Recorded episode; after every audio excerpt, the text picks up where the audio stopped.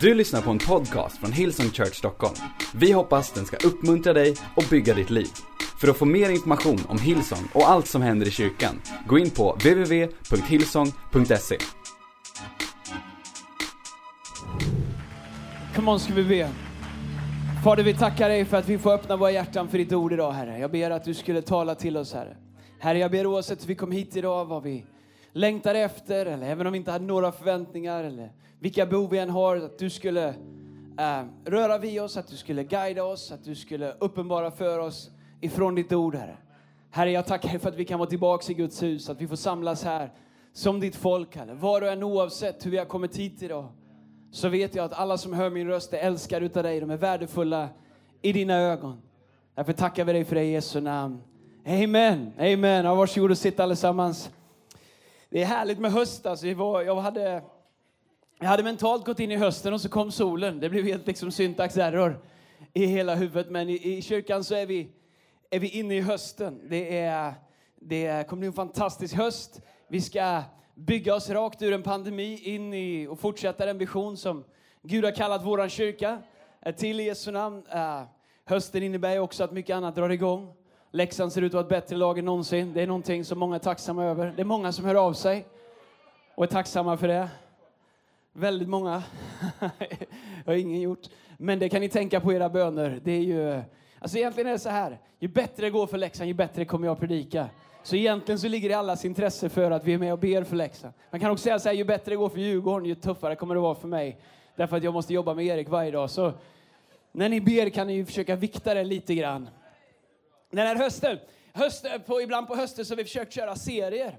Vi är kass på serier, framförallt jag. Vi har börjat många serier och sagt nu de närmsta tre veckorna så ska vi undervisa om det här. Men redan andra veckan så börjar jag ledsna och tycka liksom att det här är för tråkigt. Och sen så har vi aldrig gjort, vi har nästan, jag tror aldrig vi har gjort klart en serie. Det är ju ett underbetyg uh, i alla fall. Men uh, därför så tänkte jag inte säga att vi är i en serie, utan jag tänkte predika del två från förra veckan. Så vi säger, vi, det, är, det är liksom en smygserie kan man säga. Förra söndagen predikade jag om tre saker som Gud älskar. Fundamentalt kan man koka ner vad Gud älskar till tre saker. Gud älskar sin son, Gud älskar sin kyrka och Gud älskar de förlorade. Allt som Gud älskar går att eh, liksom kanalisera ner i det. Han älskar sin son, Jesus Kristus. Han säger det när Jesus döpte, detta är min älskade son. Han stannar i himlen och säger det. Han älskar sin kyrka. Han säger att han bygger den, han säger att han dog för den. Inte bara kyrkan som träffas i någon Facebookgrupp eller svävar runt, utan den lokala kyrkan som träffas.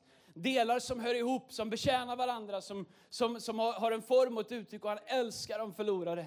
Om vi bara förstod hur mycket Gud älskar de förlorade. Han älskar de, han älskar de förlorade lika mycket som han älskar de av oss som känner honom. Och idag tänkte jag fortsätta med tre andra saker. Men vet, det kanske blir någonting nästa söndag också. Jag tänkte tala om tre saker som Gud letar efter i våra liv. Tre saker som Gud letar efter i sin kyrka, i den lokala församlingen. Och vi ska hoppa rakt in i det för att vi har en av de största dopförrättningar vi någonsin har haft, så jag ska inte dra ut på det mer än någonsin. Absolut, come on somebody. Stort välkommen till föräldrar och släktingar som är här också för att se sina barn och ungdomar döpas, eller äldre också i Jesu namn. Det finns tre saker som Gud älskar. Gud älskar tro, Gud älskar enhet och Gud älskar ärlighet. Jag skulle vilja tala med er om de tre sakerna. Gud älskar tro, enhet och ärlighet. Det står i Romarbrevet kapitel 4, om vi börjar med tro. Ett engelskt bibelord, det enda engelska bibelordet. Eh, vi är lite internationella, det skriver de i tidningen i alla fall. Eh, så jag måste ha med ett engelskt bibelord. Men det står så här, against all hope. I en annan översättning så står det against all odds. Alltså emot alla odds, emot alla fakta. Against all hope, Abraham in hope believed and so became. Alltså Abraham i hopp trodde och på så sätt så blev han. The father of many nations, just as it has been said to him, so shall your offspring be. Uh, offspring be. Without weakening in his faith, he faced the facts that his body was as good as dead since he was about 100 years old and that Sarah's womb was also dead. Det talar om att Abraham i tro trodde och blev. När han, äh, äh, utan att tröttas eller försvagas i sin tro, alltså faceade fakta. Kan man säga. Han, han liksom mötte fakta. He faced the facts. Okay? Så det jag älskar med det här, det är att det summerar tro så mycket för mig. Så fort man börjar prata om tro så finns det liksom olika reaktioner som händer i oss. De ena är liksom bara, Woo, come on, som bara, det är som att stoppa in fingrarna i kontaktuttaget. Man bara känner liksom att det är en trumma som börjar gå på insidan. Andra är precis tvärtom, usch vad jobbigt, måste du prata om tro? Blir det sånt där pumpa på-predikan? Well, det blir alltihop. Därför att tro är att emot alla odds hålla fast i vad Gud har lovat. Men det är också som Abraham gjorde, att fejsa fakta. Att se fakta i ögonen. Tro är inte att undvika det som är. Tro är inte att låtsas att utmaningarna inte finns. Tro är inte att låtsas att det inte gör ont om man nu har ont någonstans i kroppen. Eller att man har utmaningar i sitt äktenskap. Eller att företaget går dåligt. Eller vad det än kan vara. Eller att man har ett past. Tro ser alltid fakta i ögonen. Tro är inte ett förnekande av omständigheter. Det är liksom inget sånt där liksom vadderat sockervands... Vi var på Grönan i veckan och vi åkte kärlekstunneln. Det kan ju vara världens mest överskattade attraktion, det kan jag säga. För alla oss som har svårt att koncentrera oss länge så är det ju bara, det kändes som forever, tog aldrig slut. Totalt onödig. Vi kan pussas hemma jag och Lina, vi behöver inte åka den där, skvalpa runt den där baljan. För det där. Dessutom med två döttrar som kollar hela tiden så man, så man inte pussas i, i vagnen framför. Men, men grejen är att tro är liksom inte att gunga runt i något så här låtsasliv. Eller, eh, du vet, tro är att se som det är. Och det är det Abraham gör. Men Bibeln säger också att tro är producerande. Att Guds rike är ett rike som opererar i tro. Guds rike, eh, op, tro är operativsystemet i Guds rike. Så det vi ser i bibelversen är att tro är producerande. Abraham believed and so became. Men han såg fakta när han tittade på Saras kropp, att hennes liksom sköte är dött. Sara är nästan 100. Det är inte så att Abraham inte fattar att de har haft skilda sovrum i över 45 år, att inget har hänt. Förstår du? Abraham bara, inget har hänt. Vi är för gamla, inget kan ske. Så han fejsar fakta, men han håller ändå kvar i hoppet om att vad Gud har sagt ska vara möjligt. Jag vill att vi ska vara en kyrka som inte är naiva eller som inte låtsas. Och jag kommer till det när det kommer till ärlighet och enhet, som kan se saker för vad det är. Men vår utmaning är om vi ska sänka vad Guds ord säger ner till det vi ser. Därför att en del säger, nej jag håller inte på med tro, jag säger som det är. Som att den ultimata sanningen är det du och jag ser och förstår. Om jag skulle titta på vår kyrka för ett halvår sedan och tänka på framtiden och tänka att vi ska bygga vår kyrka utifrån som det är. Då hade vi inte varit här idag. För ett halvår sedan så visste jag inte ens om vi hade en kyrka. Jag visste inte om den fanns kvar, jag visste inte om ni skulle komma. Jag visste inte om vi hade team, jag visste inte om vi skulle ha givare. Jag, vi, vi, vi, förstår du? En pandemi som vi aldrig har varit i. Men för mig, jag var tvungen att gå tillbaks till vad sa Gud när vi startade det här för 15 år sedan. Därför att det Gud har sagt, det kommer Gud att fullborda. Så också i ditt liv. Tro är att du kan titta på fakta. Tro är att du kan se omständigheterna i ögonen och säga, jag ser hur det är, men jag ser också vad Gud har sagt. Och du och jag, vi har val att fatta varje dag. Bibeln säger att den rättfärdige ska leva av tro. Inte av idioti, men av tro. Att Gud är större. Tro är producerande, tro blundar inte för fakta. Tro ser på Jesus och tro ser till Jesus. Tänk på Jesus så ofta i evangelierna. Så står det att han lyfter sin blick till Fadern. Jag tänker när han gör det så ser han sig omkring och blir smådeprimerad när han ser sina lärjungar. Och han ser människor och han ser självrättfärdiga människor. Det är som att han regelbundet måste lyfta sin blick till Gud. Jag har en stolpe här så jag känner att jag försöker liksom predika runt stolpen så jag får med er också här. Vem har ställt en stolpe här? Hur kunde, de, hur kunde, vem, hur kunde man ställa en stolpe här? Va? Det kunde de ju tänkt på, att det här skulle bli en kyrka en dag. När det här var Trygg Hansas testfacilitet eh, som de krockade bilar i. Det fanns en pool där förr i tiden man kunde köra ner bilar i. Men eh, nu är det en kyrka, då får vi predika runt stolpen. Jag ser er, ni är viktiga för mig även om jag bara ser hälften av er ibland. Så tro är producerande. Problemet när man tror är att de som inte tror så ofta vill sätta en stämpel på en att man är naiv. Jag vet att det är en utmanande ibland att vilja leva i tro. Därför att vi lever i en upplyst, rationell tillvaro där alla människor eh, har kommit överens om att det vi kan skapa, det vi kan räkna ut, det vi kan sätta en siffra på, det vi kan sätta en fakta på, det är den ultimata sanningen. Men Bibeln säger att den rättfärdige ska leva av tro. Det är inte det normala att leva i tro, utan det är det normala att inte leva i tro. Men Bibeln säger att vi är trons människor.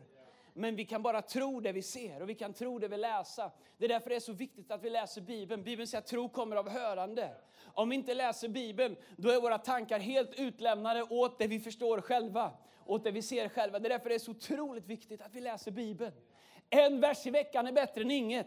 Men två, ni vet jag predikade för några veckor sedan om vad som händer när man läser Bibeln fyra gånger i veckan. Det förvandlar vårat sinne.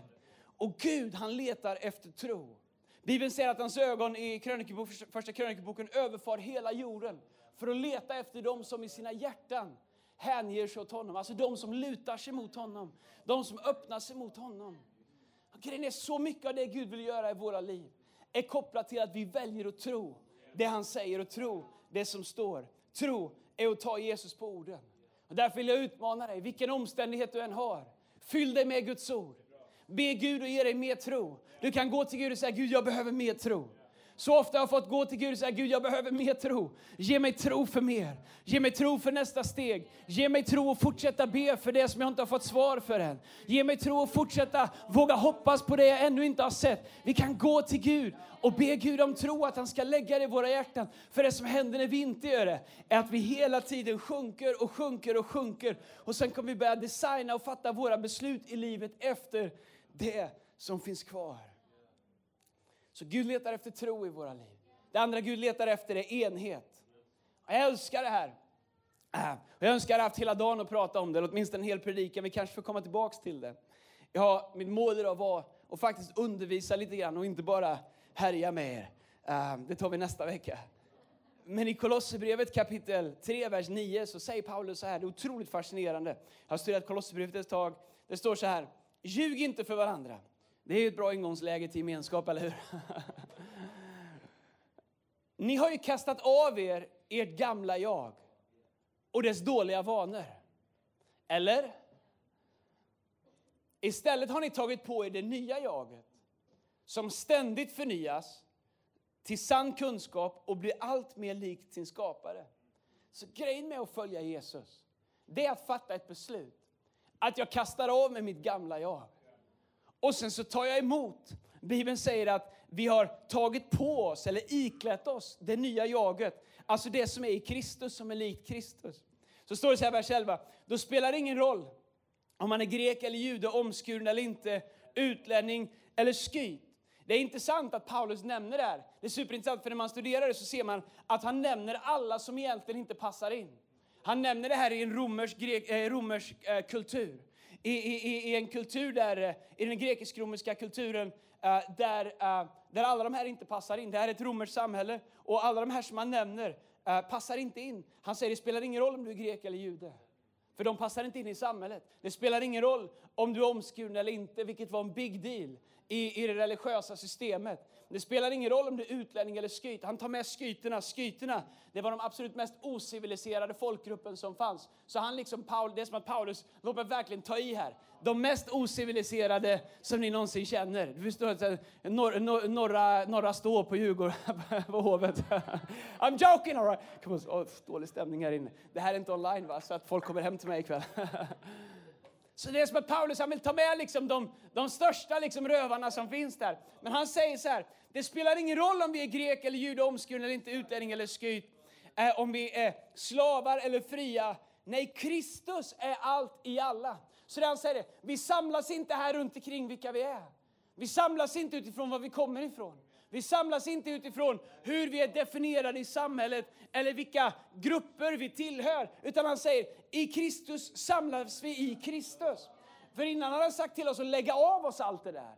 Problemet med enhet och gemenskap är när vi ska bygga en enhet där alla kommer med sitt plakat. Jag är det här. Jag tycker så här. Jag tror så här. Min pre mina preferenser är så här. Jag, jag förväntar mig det här. Och vi kommer som kristna och ska bygga en gemenskap där vi allihopa bär med oss det som Paulus skriver att vi borde ha lagt av oss för länge sedan. Och där enheten ska förhandlas och mäklas runt omkring vad jag tycker. För grejen är så här, vi kan ha full enhet och ändå tycka olika om saker. Vi kan ha full enhet i Kristus och ändå läsa Bibeln lite olika. Vi kan ha full enhet i Kristus och vi kan tycka olika. Vi kan ha full enhet i Kristus och vi kan ha olika mycket uppenbarelse och, och, och, och ha gjort olika långa resor i vem Gud är. Därför att vägen in i enhet är att vi klär av oss vårt eget. Och vi ikläder oss Kristus. Och vad går han vidare med och säger att det gör? Han säger, ni är Guds utvalda. Heliga och älskade. Så han bara tar med allihopa. Han säger ni är heliga och ni är älskade. Klä er, alltså någonting som vi väljer att göra, något som vi aktivt gör. Klä er därför i innerlig medkänsla, godhet, ödmjukhet, mildhet och tålamod. Så Paulus han säger inte klä er i rättigheter, klä er i preferenser, klä er i eh, ståndpunkter, klä er i hur ni tolkar saker och ting. Han säger nej, nej, nej, det där är helt oviktigt för gemenskapens skull. Gemenskapen är i Kristians han klä er i innerlig medkänsla. Du vet de här orden som han säger här, hur ska vi fixa våran värld? Paulus han säger det, klä er i medkänsla. Klä er i godhet, i ödmjukhet, i mildhet, i tålamod. På ett annat ställe säger han om var och en av oss ser oss som våra nästas tjänare så får vi allihopa ett rätt förhållande till varandra. Det är som att Paulus han, han målar upp en helt annan bild av vad Guds rike är. En helt annan bild av vad en, vad en kristen gemenskap är. Av vad gemenskapen i en lokal kyrka är. Där det inte är, vad får jag ut av det här? Hur får jag fram vad jag vill? Nej, jag är här för något helt annat. Jag är här för mildhet, godhet, kärlek, medkänsla. För att söka det bästa, det rena. Paulus säger, tänk på det som är sant, det som är rätt, det som är rent, det som är upphöjt. Varför säger han att vi ska tänka på det? Därför att det andra kommer av sig själv. Det andra kommer till oss ändå. Men vi, vi, kan välja det som är sant, det som är rätt, det som är rent, det som är upphöjt. Det innebär att vi kan se varandra och säga, jag ser alltihop, men jag väljer det som är sant. Vad är det som är sant? Det Gud säger om oss. Att vi är nya skapelser i Kristus. Jag väljer det som är rent, det som är värt att älska, det som är värt att elevera hos någon annan. Han säger, ha överseende med varandra och förlåt den som kan förebrås för någonting. Herren har ju förlåtit er. Och så ska ni också förlåta varandra. Men det viktigaste av allt, lyssna här nu.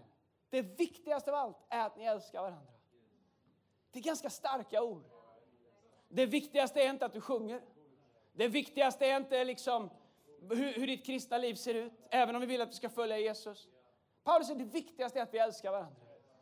Och om vi inte kan få till foundation som kristna runt om i hela världen, att vi älskar varandra, då kommer ingenting annat hitta sin plats. Och det enda sättet som vi kan älska varandra, det är att välja att älska varandra. Genom våra olikheter, genom våra saker som, som är ofärdiga hos varandra, genom våra olika synsätt, genom våra olika saker. Så Paulus han säger, make a choice. Gör ett val, älska varandra. Gör det.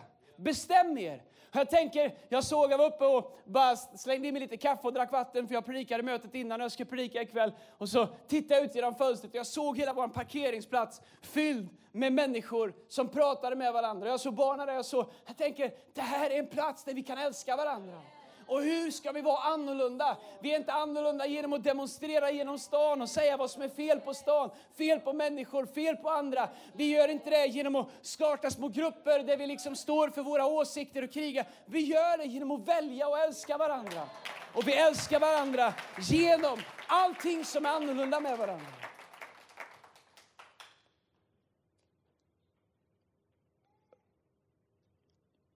Var var vi någonstans? Ha överseende med varandra, förlåtelse för det viktigaste av allt är för kärleken är det band som binder er samman till en fullständig enhet. Så Paulus säger att vi ska vara en enhet. Right, vi hade en grej på Oj, vad klockan går. Vi hade en grej på Summer Camp där vi hade en lång uh, trallbräda, 120-28. Och sen så hade vi satt uh, typ som små grejer, repbitar de kunde stoppa i fötterna i. Och jag tror att det var en 6-7 stycken på varje. Och så ställde de upp eh, 6-7 ungdomar en bräda på varje fot och så var alla tvungna att ta steg samtidigt för att komma framåt. Jag kan säga mer okoordinerade ungdomar har inte sett i hela mitt liv.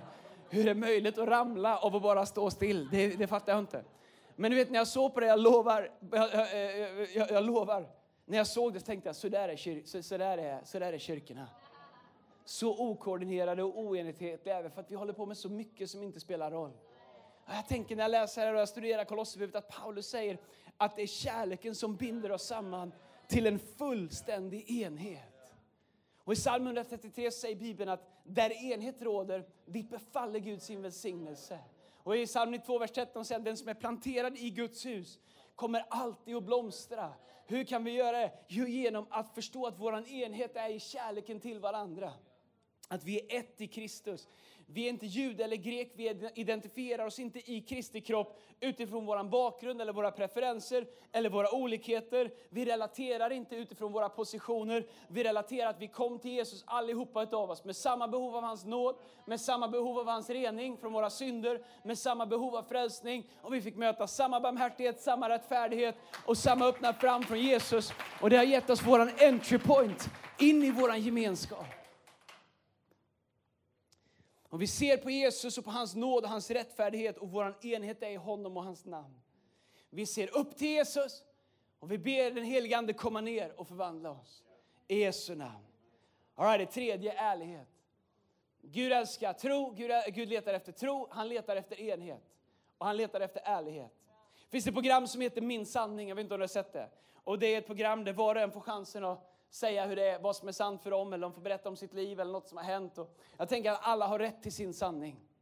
Här är en sak jag upptäckt. Min sanning är inte alltid sanningen. Den kanske är min sanning, men det är inte säkert att det är sanningen. Därför att vi har så otroligt lätt för att skruva till våran värld, skruva till våran omgivning, skruva till vårt synsätt, skruva till vårt förflutna så att det blir hanterbart för oss. Det kallas coping mechanism. Så de flesta av oss, vi lever i någon form av sanning. Men vi har byggt en sanning som vi orkar med att leva i. Vi har byggt ett synsätt och vi har tagit oss filter som gör att vi orkar med oss själva och som gör att vi klarar av att förklara omgivningen och förklara det liv som vi lever i. Vissa saker är helt sant, vissa saker är lite sant, men vissa saker är faktiskt inte sant. Det är märkligt när man tänker på sitt förflutna och ska försöka liksom rekapitulera hur det var. Att man efter ett tag inte riktigt vet var det verkligen så? Eller var det så jag kände om det? Eller var det så jag tänkte om det? Och, och till slut så inser man att jag vet inte riktigt. Men Bibeln säger att det finns en sanning som är sann. Och att i den sanningen så finns en frihet och att Gud är en Gud som inte är rädd för vår ärlighet. När jag vet att ibland är kyrkan, jag menar inte, jag tänker inte på er, jag tänker på andra givetvis. Men jag vet att kyrkan är ibland den bästa träningsplats som finns för att lära sig att ta på sig en mask. Och jag vill inte att vi ska vara så. Det är klart, du behöver inte komma liksom, äh, äh, och, och liksom verkligen vi, liksom försöka göra ett statement. Men jag säger, ibland så är det liksom som att vi, vi lär oss att ta på oss religiösa masker. Vi lär oss att fejka. Vi säger att allt är bra när allt inte är bra. Vi jobbar på vår utsida när vi egentligen bara skulle vilja berätta hur det är. Och men om kyrkan ska kunna vara det Gud säger att kyrkan är, så måste vi förstå att Gud är inte en Gud som är rädd för ärlighet. Han är inte en Gud som är rädd för någonting i våra liv. Han kan se rakt in i ditt liv. Och det finns ingenting som han ser som får honom att sluta älska dig. Gud kan bara möta oss där vi är ärliga. Och Gud längtar efter det i våra liv. Johannes 14 och 6 så säger så här. Jag är vägen, sanningen och livet. Ingen kommer till Fadern utom genom mig. I Johannes 8.31 så säger han så här. Jesus sa till judarna som hade kommit tro på honom. Om ni förblir i mitt ord är ni verkligen mina lärjungar. Ni ska lära känna sanningen och sanningen ska göra er fria. Så Jesus sa inte håll fast vid er sanning så ska jag försöka göra er fria. Utan Jesus säger ni ska lära känna sanningen. Sanningen är Jesus. Alltså är sanningen om oss vad Gud säger om oss. Vad ordet säger om oss. Och sanningen är ibland någonting vi måste välja. Som inte alltid är dit våra känslor direkt går. Det är inte alltid det löser genom att liksom cover up eller lägga på ett lager till. Men vi kan inte komma till Gud med en religiös mask. Bibeln säger att Gud är inte ute efter fina böner. Gud är inte ute efter kristna charader. Gud är inte ute efter fake. Han är inte ute efter vår performance, att vi på något sätt ska komma och ge honom en föreställning. Men vet vad Gud letar efter? Ärliga hjärtan. Jag ser på David. David han är så, jag hade aldrig vågat vara så transparent som David är. David hur han skriver. Han säger jag är den sämsta av alla. Jag är förtappad, jag är borta. Jag längtar efter, min själ är öde, mitt hjärta är tomt. Du vet, så här, han, han, han, han, han bara fläker ut sig inför Gud och han är ärlig. Och Gud möter honom igen och igen och igen och igen. Min vän, ärlighet leder alltid till sanning. Och sanning kommer alltid leda dig till frihet. Eftersom Bibeln säger att där sanningen är, där är frihet. Och han säger, ni ska lära känna sanningen och sanningen ska göra er fria. En del av er, ni är bara ett steg bort ifrån verklig frihet. Om ni bara bestämde er för att våga omfamna ärlighet. Och jag vill att vi ska vara en kyrka där ärlighet inte är en svaghet. Där ärlighet inte är någonting som gör att man är rädd att hamna sist i kön. Utan där ärlighet är ett steg in i sanningen. Och vi vet att sanning alltid är ett steg in i frihet. Därför Guds plan för ditt liv är att du ska leva fri. Frihet. Så Gud letar efter ärlighet. Det är det enda Gud har bett om från oss. Att det är det sättet vi kommer till honom. Allt Gud behöver från mig när jag kämpar är att jag är ärlig. Allt Gud behöver från mig är att när, när jag tittar på mitt hjärta, att jag inte gömmer utan att jag, att jag går till Gud med det. Att jag säger till Gud som det är. I livets alla olika säsonger. Att om jag behöver gå till Gud och säga, Gud, jag, jag är inte brinnande längre. Jag tror på dig men jag har liksom tappat, jag brinner inte längre för dig. Gå till Gud, säg det. Och du kommer inte möta en Gud som säger, ställ dig här ska du få en lavett. Utan Gud kommer säga, it's alright. Det är okej. Okay. Vi kan göra en resa tillsammans. Du är fortfarande mitt barn. Jag är fortfarande din Gud. Alla mina löften finns fortfarande kvar. Lyft din blick till Jesus så ska jag sända den helige Ande igen och förnya ditt inre igen. Men du förstår, Gud han kan bara svara på ärliga böner. Gud kan rädda ditt äktenskap om du ber ärliga böner. Gud kan rädda ditt företag. Gud kan hela ditt inre. Gud kan upprätta dig. Gud kan hjälpa dig att skapa fred med människor runt omkring dig om du är ärlig. Bibeln säger de stolta står han emot, men de ödmjuka ger han nåd. Vet du vad, ibland så tror jag, kanske inte minst efter en pandemi, jag ska avsluta. Ibland så tror jag att vi måste våga komma ärliga till Gud. Och en sak som jag har behövt göra under det här ett och ett halvt åren är att gå tillbaks till Gud. För jag tänker att om det är svårt för mig att hålla, hålla mig brinnande, om det är svårt för mig att hålla visionen leva, om det är svårt för mig att liksom hålla trycket i min bibelläsning, min bön, när vi inte får samlas som kyrka. Vi har haft en studie här inne, jag har stått och tittat in i en kamera i 18 månader. Jag tror vi ska prata om det på Hard and Soul. Jag tror vi har spelat in 700 någonting timmar gudstjänst. Det är helt sinnes. Men vi har gjort allt vi kan för att vara en resurs för hela Sverige under den här pandemin. Men det gör också någonting, det äter ur en. Och jag har behövt gå till Gud och säga, Gud, jag måste vara ärlig med dig. Det är så här, jag behöver det här. Bara du kan ge mig det här. Andas på det här igen. Ge mig ny kraft här, ge mig ny vision. Gud, gör det här levande igen, öppna ordet igen. Du förstår, Gud han älskar det. Och jag märker när jag kommer till Gud utan fake, utan fasad, utan religiös performance, att Gud han är där, han är närvarande, han möter oss. Och Gud han kan bara möta oss i våran ärlighet. Och några utav er här idag, jag skulle vilja utmana er, var ärliga med Gud.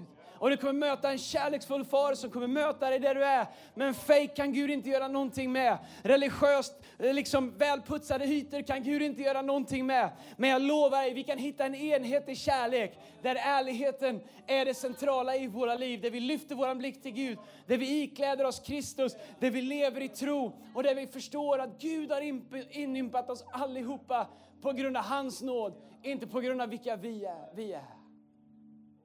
Tänk vad en kyrka skulle kunna vara. Full av fel, som våran.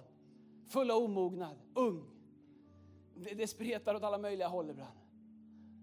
Men tänk vad Gud skulle kunna göra med en grupp människor som bestämmer sig för att vara ett i Kristus. Att vår enhet är kärleken till Gud, kärleken till varandra, godhet, mildhet, kärlek, fördrag med varandra. Var finns den världen? Den finns inte. Men det är Guds tanke att Guds hus att hans kyrka ska vara det. Och det är min bön att våran kyrka skulle vara det.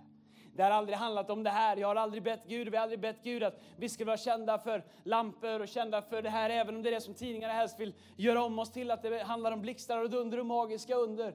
Våran bön och våran längtan att vår kyrka skulle vara en oas där människor kan få riktiga svar, riktigt hopp, där verklig gemenskap finns, där vi kan lägga av oss våra olikheter och där vi kan mötas och bygga gemenskap i Kristus, inte i det vi inte är överens om. Jag kan leva med att du inte ser allt som jag gör. Jag kan älska dig ändå. Jag kan störa mig på något i din personlighet, men jag kan lägga det åt sidan om du lovar att lägga åt sidan allt du stör på dig hos mig, vilket förmodligen är mer. Och vi kan ha gemenskap i Kristus och vi kan omfamna vårt uppdrag och vara en stad på berget som lyser så hela Sverige kan se det. I Jesu namn. Ska vi be. Fader, jag tackar dig för att du har kallat oss, Herre Jesus. Var och en av oss till gemenskap med dig.